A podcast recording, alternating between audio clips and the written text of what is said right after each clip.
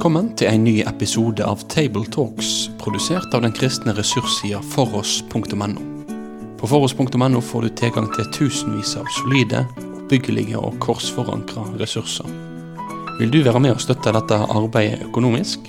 Da kan du gjerne gi de gaver til Foross på VIPS nummer 70979. Vi håper at du setter pris på dagens episode av Tabletalks.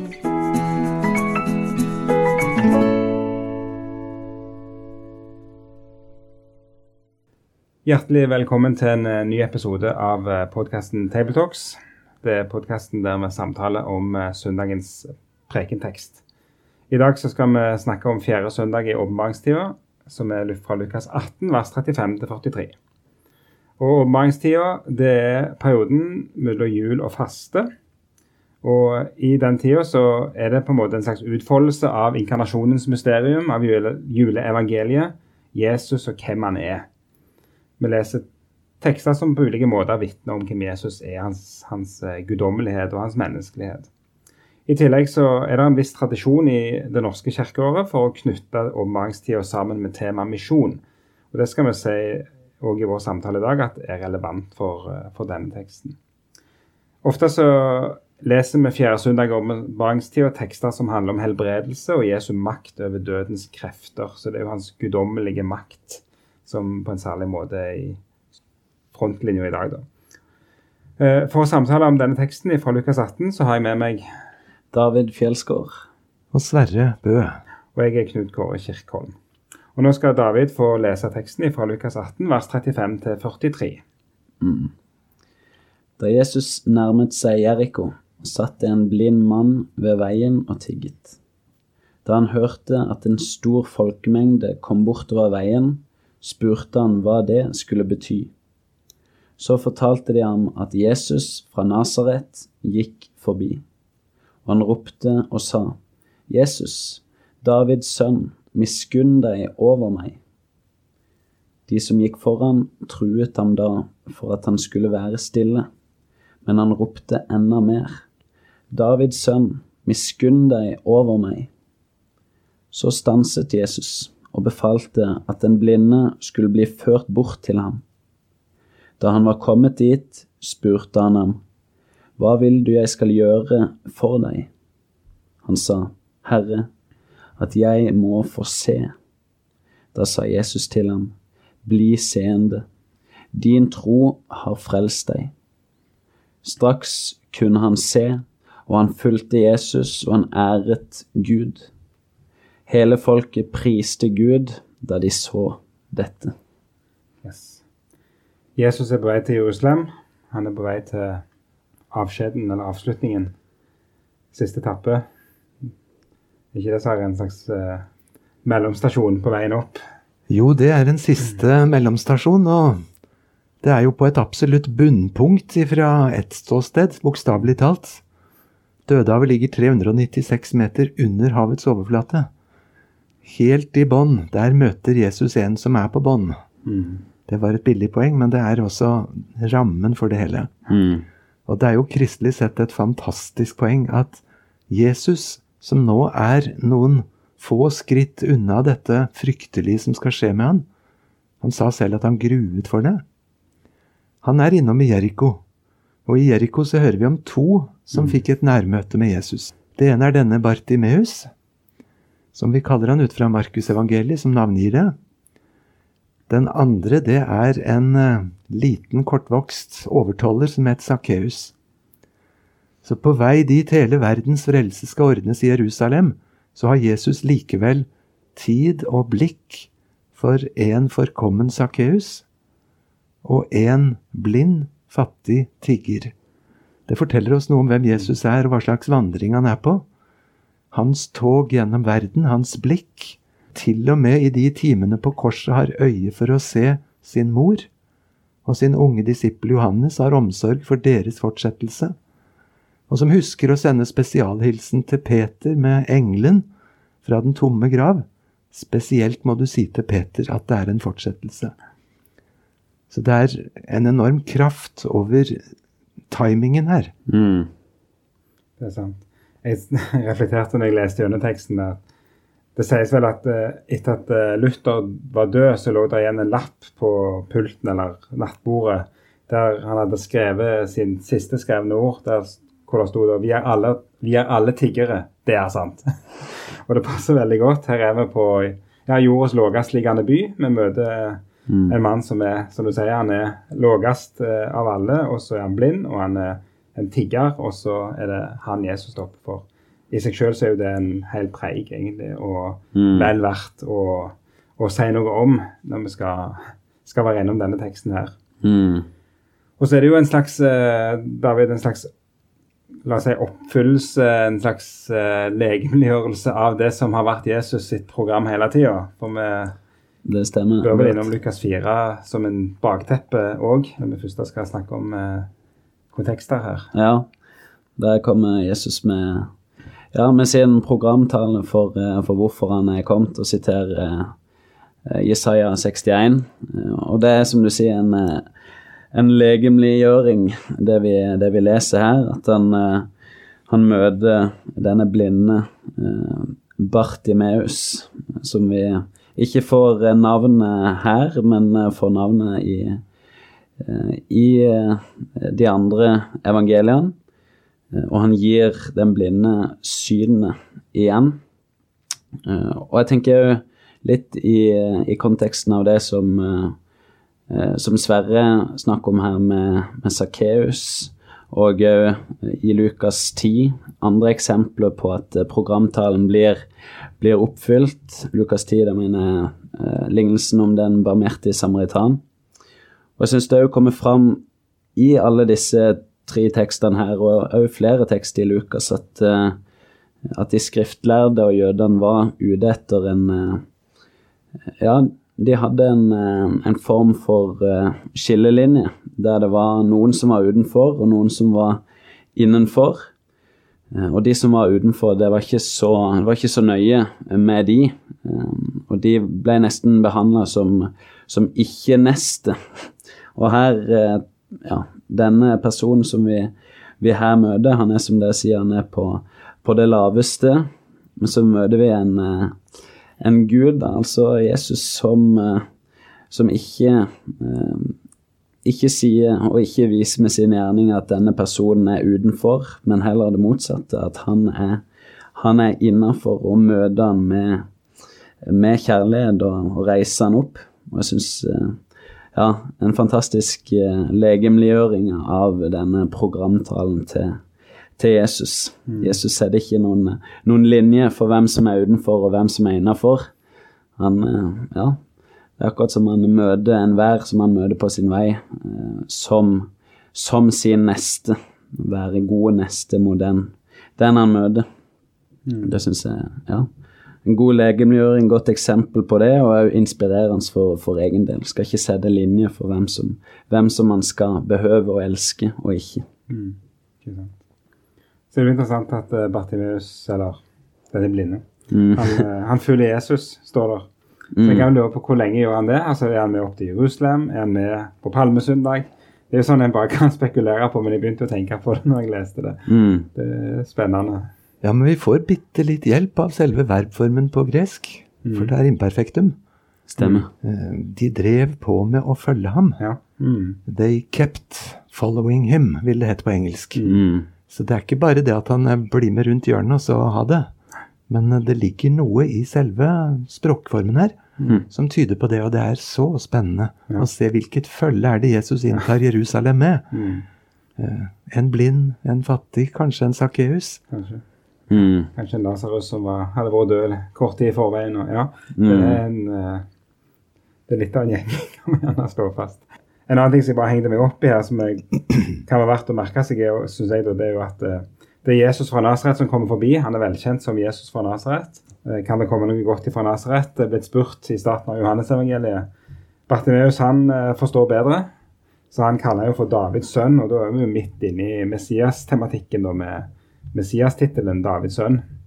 Og det er vel også den vi finner i, eh, i starten av eh, altså I slektslistene så er det jo nettopp der poenget med at han er Davids sønn. Han er Abrahams sønn, han er Davids sønn. Han er eh, både den etter løftet, men òg den som er kongen, da. Så her har Bartimeus virkelig, eller den blinde, virkelig fått sett eh, noe veldig viktig om det. Det der er et spennende poeng, for hvis du leser evangeliene langsomt gjennom og ser hvem er det som bekjenner de dypeste sannhetene om Jesus, Mm. så kommer det overraskende mange ganger.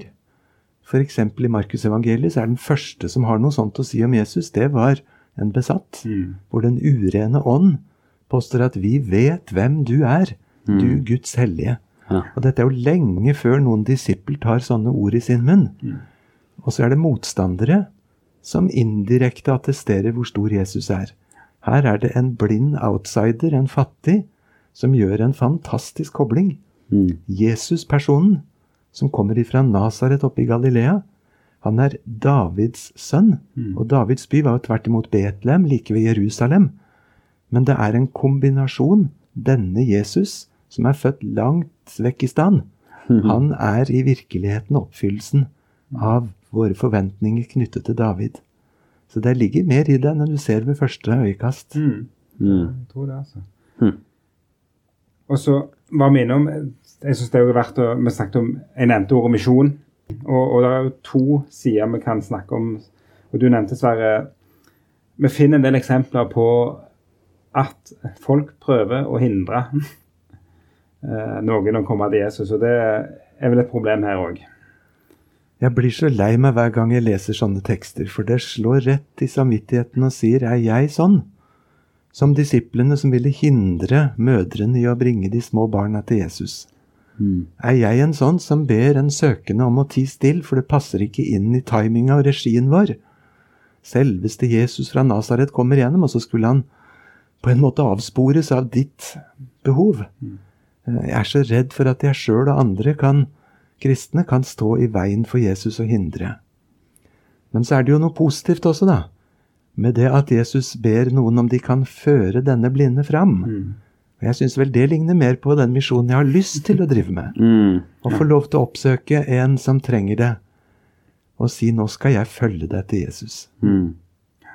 Og så Det tenkte jeg på når jeg leste teksten, det er jo det at eh, som jeg har nevnt, Jesus stiger helt ned på det laveste punkt. Der møter han en som er på det laveste punkt.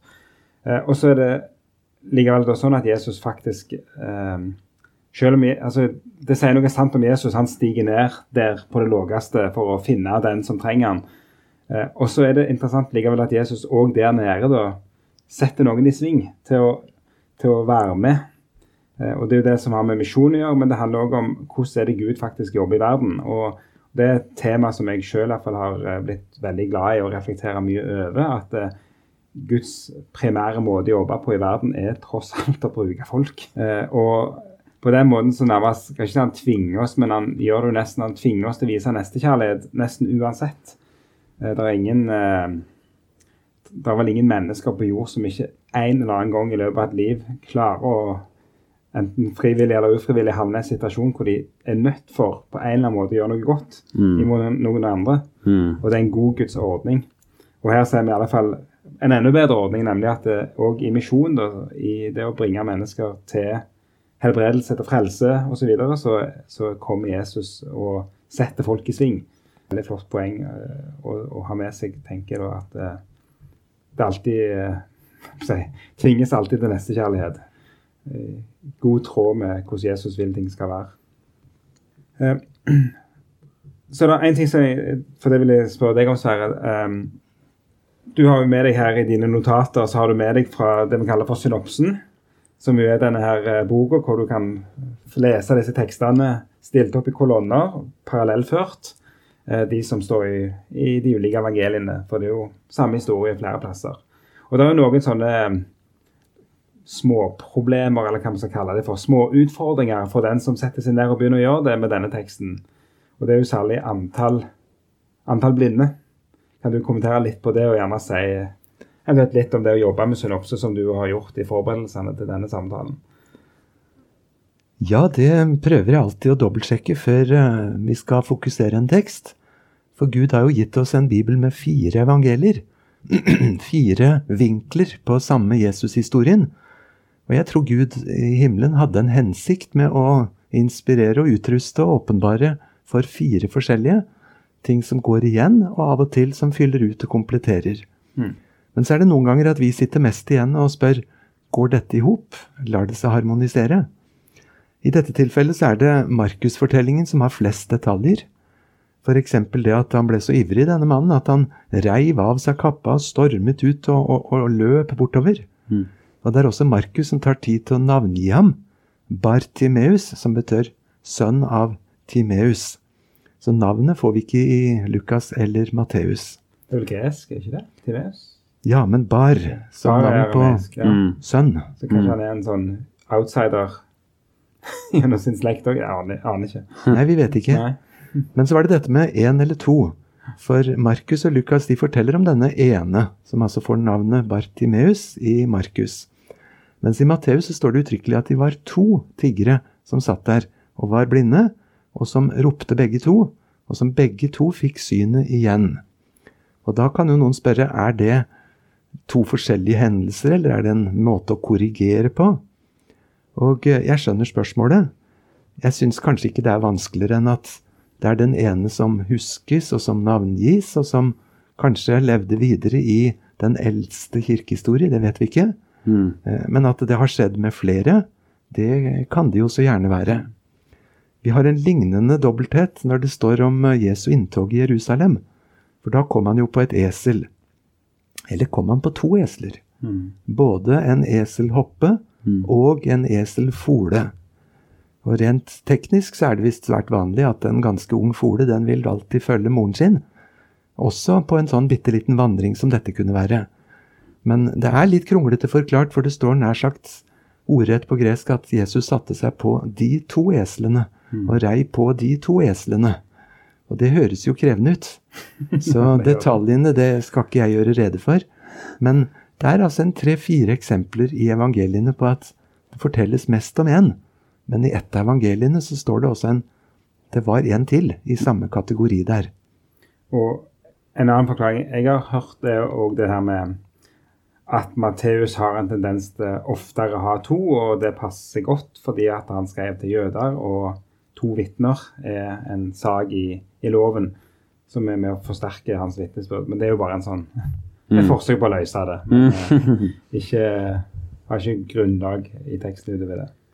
Men så jeg, jeg tenkte jo bare på det her med navnet hans. at eh, Hos Markus da, du har jo han bibelforskeren som har skrevet litt om det her med hvordan er det disse her altså evangelistene bruker fotnoter, bruker referanser til sine kilder. Og at det ofte gjør de ved å droppe navnene, altså, eller med nevne navnene på dem i fortellingene, og på de plassene hvor det ikke alltid føltes like nødvendig. Eh, og det kan jo være at det òg, som du nevner, at det, kanskje er det nettopp at denne ene her er en person som på en særlig måte ble en del av den første kirka, og derfor så er det òg han er et av disse vitnene som vi kan, kan gå og sjekke om det ikke stemmer. Det er ikke bare en spekulativ teori, for hvis du leser nøye Markusevangeliet, så står det om denne Simon fra Kyrene som ble tvunget til å bære Jesu kors. Mm. Der står det denne Simon var far til Alexander og Rufus. Ja. Mm. Alexander var jo et veldig vanlig navn, men Rufus et meget uvanlig navn. Men han dukker opp igjen i Romerne 16, i hilsenene til disse 29 personer som navngis i Romerne 16. Mm. Så hvis det skulle være slik at sønnen til Simon fra Kyrene fortsatt levde da Markusevangeliet ble skrevet, så linker Markus sånn diskré og sier han som bar Jesu kors vikar de siste metrene, det er faren til han dere kjenner, Rufus. Mm. Men igjen, vi vet ikke sikkert, men det er en ikke så helt usannsynlig tolkning. Mm. Og det er vel blitt langt på vei påvist at det var ikke uvanlig i antikkens verden å navngi kildene sine på den, på den måten. Altså. For det var jo øyenvitnene som var, var så viktige. Tilsvarende står det vel i Johannes evangeliet at han som hogg øret av yppersteprestens tjener, var Peter. Mm. Hvorfor sto ikke det presisert i de andre? Og en nokså alminnelig forklaring er at det ville være risikabelt å angi hvem som gjorde en slik gjerning, eh, som da ville kunne mistenkes for eh, å ha vært en eller annen terrorist. Mm. Men eh, Johannes evangeliet, skrevet kanskje på 90-tallet, da var for lengst Peter død. Mm. Det var sånn sett ikke så rart om det skulle være med. Ja, interessant. Det er så små detaljer som er litt artige å, å notere seg. Det er det absolutt. Mm. Yes. Um, ellers så er det jo um, Bartimeus blir frelst ved sin tro, står der. Din tro har frelst deg, eller din tro har uh, lekt deg, helbreda deg. Jeg syns det Ja, jeg syns uh, spesielt der at uh, det at Jesus spør hva vil du jeg skal gjøre for deg? Vi tenker jo at uh, det er at det er en selvfølge at en blind en skal, skal si at jeg vil, vil se igjen. Men ikke sant, denne som denne Bartimeus da, som har eh, sittet sikkert, eller kanskje i mange år og tigga etter penger og ropt etter penger, at det er det som har vært det han har eh, spurt etter. Det at han ikke gjør det nå, det vitner òg om det vitner om en tro. da. Det at nå er det ikke penger han spør etter, men at jeg må få se. Mm. Og det syns jeg uttrykker den tilliten som Jesus her eh, løfter fram. da. Eh, din tro har frelst deg. Denne Bartimeus hadde tillit til at Jesus han kunne, han kunne gjøre mer enn å bare gi han almisse. Han kunne, han kunne gi han synet igjen. Det kan gjerne være noe av det siste vi sier om teksten òg. Så vi kan gå over til mitt vanlige spørsmål. Eh, hvis du skulle talt over teksten, eller har noe du vil legge til, eh, så har du sjansen til å si noe nå, Sverre?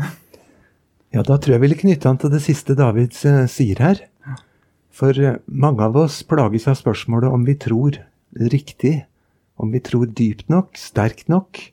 Og da kjenner vi med en gang på at det gjør vi jo ikke. Mm. For det vil være den sanne tros første kjennetegn. At jeg skulle så gjerne hatt en sterkere tro, en dypere tro. Jeg ville gjerne eiga ei tru så sterk og stor ei tru som kunne synast i gjerning og i ord.